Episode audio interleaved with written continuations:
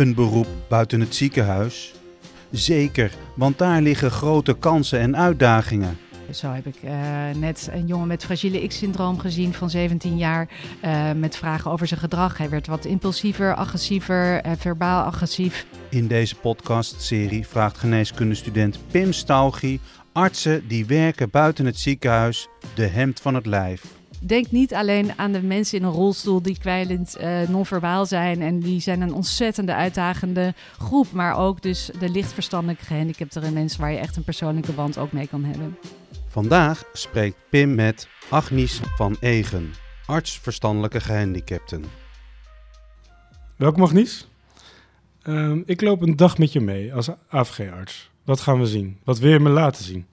Ja, ik neem je dan graag mee naar mijn uh, syndromenpolie, uh, waar we uh, syndromen zien samen met mijn team van andere AVG's, psychologen, diëtistes en fysiotherapeuten om samen de goede zorg te geven. Ja, kun je daar meer over vertellen? Kun je meer vertellen over die poli? Ja, dus uh, daar komen mensen met uh, klachten, um, heel vaak heel specifieke klachten van uh, hij is anders of gedraagt zich anders.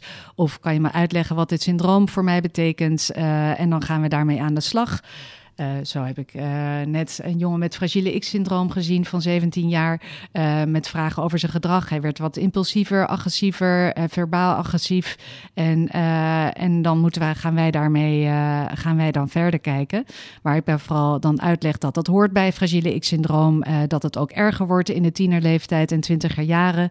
en dat goede begeleiding en beeldvorming heel belangrijk is. Kijken, is het nou de ADHD? Is het nou de autisme? of is het misschien de buschauffeur die op vakantie is. Dus al die factoren brengen we mooi in kaart en maken daar een uh, behandelplan op. Wat zie je daarin als jouw taak? Zeg maar, ben je dan echt bezig met de context uitleggen van zo'n patiënt? Of, of wil je echt iemand behandelen? Hoe moet ik dat zien? Uh, allebei. Ik denk uh, sowieso, ja, dat noemen we uh, educatie, psycho-educatie over het syndroom zelf. Zodat mensen ook accepteren, dit hoort erbij. Dit is niet onze schuld, hè, want het wordt, mensen voelen zich ook vaak schuldig als het niet goed gaat met iemand. dus dat uitleggen, dat leidt. En dan een gezamenlijke visie ontwikkelen van nou, als iemand impulsiever is en er sprake van ADHD. Natuurlijk kunnen, kan medicatie goed helpen. Alleen met anders ontwikkelende breinen kunnen die ook andere effecten en bijwerkingen hebben. En je gaat net zoals met een ander kind met de ADHD ook heel erg met de context uh, aan de slag. En juist in die tienerleeftijd is het heel erg belangrijk voor zulke soort jongens dat ze er niet te veel met angst uh, en dwang worden behandeld. Uh, want voor hunzelf is dat ook heel erg traumatisch om mee te maken. Dus je moet met elkaar een soort gezamenlijke visie op de ziekte en de behandeling ontwikkelen. Ja, en na zo'n dag op de syndroompolie, waar haal je dan je voldoening uit? Wat, wat neem je mee naar huis? Nou, uh, de patiënten zelf, uh, maakt niet uit welke leeftijd ze zijn. Ik zie kinderen, ik zie uh, volwassenen en ik zie oudere mensen. maar door die verstandelijke beperking zijn het allemaal in hun hoofd kinderen. Dus ik zie het toch als een soort kindergeneeskunde... waarbij we eigenlijk nog aanvullend op de kindergeneeskunde... heel veel te maken hebben met de psychiatrie, met epilepsie, met gedragsproblemen... en ook de context. dus we kijken ontzettend integraal naar, naar onze patiënten. En ook dat doen we natuurlijk niet alleen. En het contact met de patiënt en is heel erg leuk. Um, ik kan zelf ook hele goede gesprekken hebben met deze mensen en dat doe ik ook vaak heel erg apart. Dus je kan ook echt wel een hele leuke relatie uh, hebben.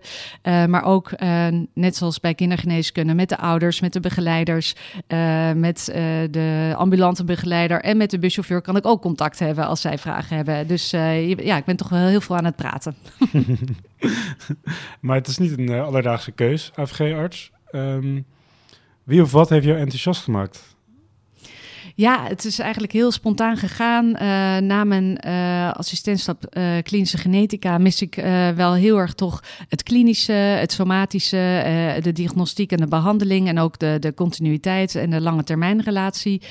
toen hoorde ik van het hele nieuwe vak nog, waar een, een, collega van mij net het eerste jaar van was ingestroomd en waarbij eigenlijk uh, in het AVG-vak voor mij de kindergeneeskunde terugkwam, uh, de genetica terugkwam. Uh, dus en het was maar drie jaar, weinig belasting, weinig diensten. Dus voor mijn gezondheid ook nog eens goed dat ik dacht van nou, dit is volgens mij gemaakt voor mij. Ik moet dit eens gaan proberen. Ehm, iedereen verklaarde me voor gek, want dat was al heel erg anders dan de witte jassen setting waar ik eerst op gefocust was. Maar het is een goede keuze gebleken. En had je daar veel moeite mee met die switch maken? Want je had natuurlijk eerst dan die misschien de droom van hè, in het ziekenhuis gaan, maar dan ga je toch naar een heel ander beeld. Was dat voor, je zegt je omgeving had daar al verklaar je voor gek, maar hoe vond je dat zelf? Ja, ik vond het zelf heel erg uh, lastig. Uh, deze keuze zeker lastig. Uh, het, het, ja, het zette me toch in een hele andere werkomgeving, ook lange termijn. alhoewel ik toch weer mijn academische werk heb teruggevonden, omdat ik ook gedeeltelijk op het Emma Kinderziekenhuis uh, werk. Um, en ook heb ik die tijd ook. Ik ben bij Pharma gaan praten. Ik heb overwogen om medisch journalist te worden. Ik heb van alles overwogen. Dus uh, uh, van alle keuzes was dit misschien nog niet zo'n hele gekke gezien. Maar inderdaad, zeker door mijn gezondheid heb ik wel eventjes een ja, eventjes walkabout fase gehad. ja. Je benoemde toen je bij het vak kwam, een beetje oudbollig was. Allemaal geitenwolle sokkentypes. Is dat, is dat nog steeds zo of is dat veranderd? Nou nee, dat is erg veranderd. Uh, ik was ook toen ik klaar was met de opleiding echt even van wat ga ik doen? Ik ben eh, zelfs verhuisd naar het buitenland omdat ik eigenlijk nog niet mezelf zag werken in die bossen. Ja. Uh, heb ik promotieonderzoek gedaan in bossen, uh, zes jaar weg geweest. En toen ik terug was, was de opleiding al een stuk verder. Had ik een stuk veel meer nieuwe opgeleide, hele professionele, leuke, bevlogen collega's. En was de werkomgeving, werfsfeer, professionaliteit allemaal extreem uh, verbeterd. Uh, dus uh, het is nu echt, echt een hele mooie beroepsgroep die echt, echt met kwaliteit van zorg bezig is en zich echt aan het profileren is. en niet meer zo vastgebonden is aan die intramurale settingen. Dus het is nu veel meer polyklinieken, maatschappen, tweede en derde lijnswerk dan, dan eerder. Oké, en het is best wel een jong vak, een jong specialisme. Wat zou er nog moeten veranderen? Ja, ik denk dat het uh, heel erg vergelijkbaar is met specialist oudergeneeskunde. Is dat we nu nog heel erg gebonden worden aan zorgorganisaties. En uh, dat zijn van ja, toch wel grote logge organisaties met veel tekorten aan uh, behandelaren. Waardoor het heel moeilijk is om, om je ding te kunnen doen en goede kwaliteit en, en goede zorg te leveren. wat je nu meer ziet, is dat er steeds meer maatschappen zijn. steeds meer tweede lijnzorg via polyklinieken. Steeds meer derde lijnzorg. Waardoor als AVG je veel meer je eigen vak in handen hebt en kan uit uitoefenen hoe je het zelf wil, in plaats van hoe een organisatie het wil. Uh, dus ik denk zeker nu, uh, als de luisteraars zijn afgestudeerd, dat het nog veel meer tweede en derde lijnsvak is geworden en veel meer uh, medisch specialistischer is dan het nu is. Hoe lang zijn je werkdagen? Uh, nou, mijn werkdagen zijn lang, maar dat hoeft dus niet. Een eh, AVG eh, kan je zeker als een soort een 9 tot 5 baan beschouwen. Dat, dat dat in ieder geval geaccepteerd wordt als je je aan die werktijden houdt.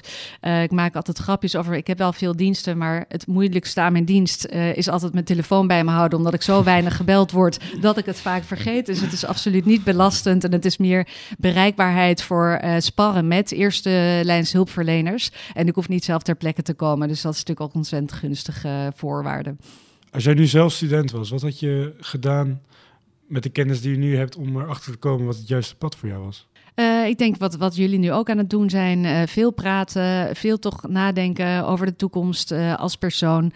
ik denk eigenlijk voor mij, het vak AVG heeft mij als mens wel echt een stuk rijker gemaakt, omdat ik echt wel een doener was en, en, en best wel kort door de bocht kon zijn. dus deze, dit vak heeft mij wel echt een stuk ehm, open, meer open-minded gemaakt, ook naar het hele integrale mens en echt behandeldoelen van wat is echt belangrijk voor deze persoon in plaats van per orgaansysteem.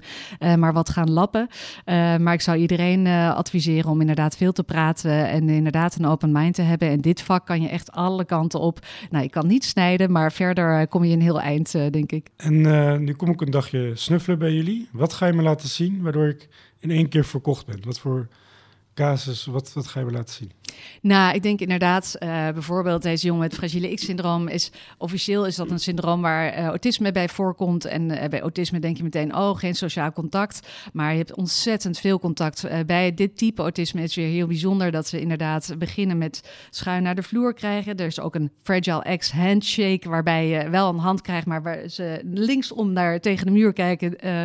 maar als je met ze praat, hebben ze heel erg behoefte aan dat contact en aan geruststelling en aan dat het dat ze oké zijn en goed zijn en dat ik er voor ze ben om ze te helpen en dat zij verder gewoon lekker hun ding kunnen doen. Uh, en uh, dan is er een ander syndroom, Williams syndroom, dat heet de cocktail party syndroom. En die, dat zijn hele verbaal sterke uh, mensen die enorm kletsen en alles over hun leven vertellen en over hun relaties en seksualiteit. En die bellen me ook soms op van, oh Agnes, ik kan echt niet slapen, want ik ben weer verliefd en heb je een pilletje voor me? En dan denk ik van, nee, komt goed, ga maar praten. En kan je toch iemand geruststellen of een mindfulness uh, oefeningetje geven. Dus je hebt ook echt, denk niet alleen aan de mensen in een rolstoel die kwijlend uh, non-verbaal zijn. En die zijn een ontzettende uitdagende groep. Maar ook dus de lichtverstandelijke gehandicapten mensen waar je echt een persoonlijke band ook mee kan hebben. Eigenlijk heel divers dus. Heel divers, ja.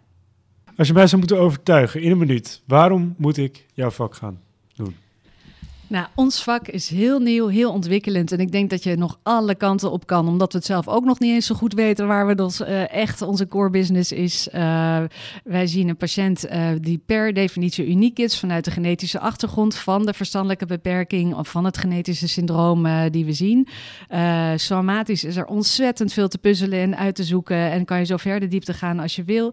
Maar ook psychiatrisch, epilepsie, psychosociaal kan je ook alle kanten op. Je kan de medisch-ethische kant op. Uh, je kan de verslavingskant op. Je kan straatdokter worden. Maar je kan dus inderdaad ook uh, heel erg in de kindergeneeskunde zitten en de genetica. Dus, uh, en we ontwikkelen ons steeds verder, professionaliseren steeds meer. En we gaan steeds verder af zeg maar, van de zorginstelling en in maatschappen en in de tweede en derde lijn zitten. Waardoor het nog leuker is om je eigen vak uit te oefenen. Hartstikke bedankt. Graag gedaan, Pim. En ik zie graag iedereen die een keertje mee wil lopen. Je luisterde naar de podcast Dokters buiten het ziekenhuis, gepresenteerd door Pim Staugie. In deze aflevering sprak Pim met arts verstandelijke gehandicapte Agnies van Egen. Wil je meer dokters buiten het ziekenhuis horen? Luister dan naar de andere podcastclips. Die vind je op studiovu.nl.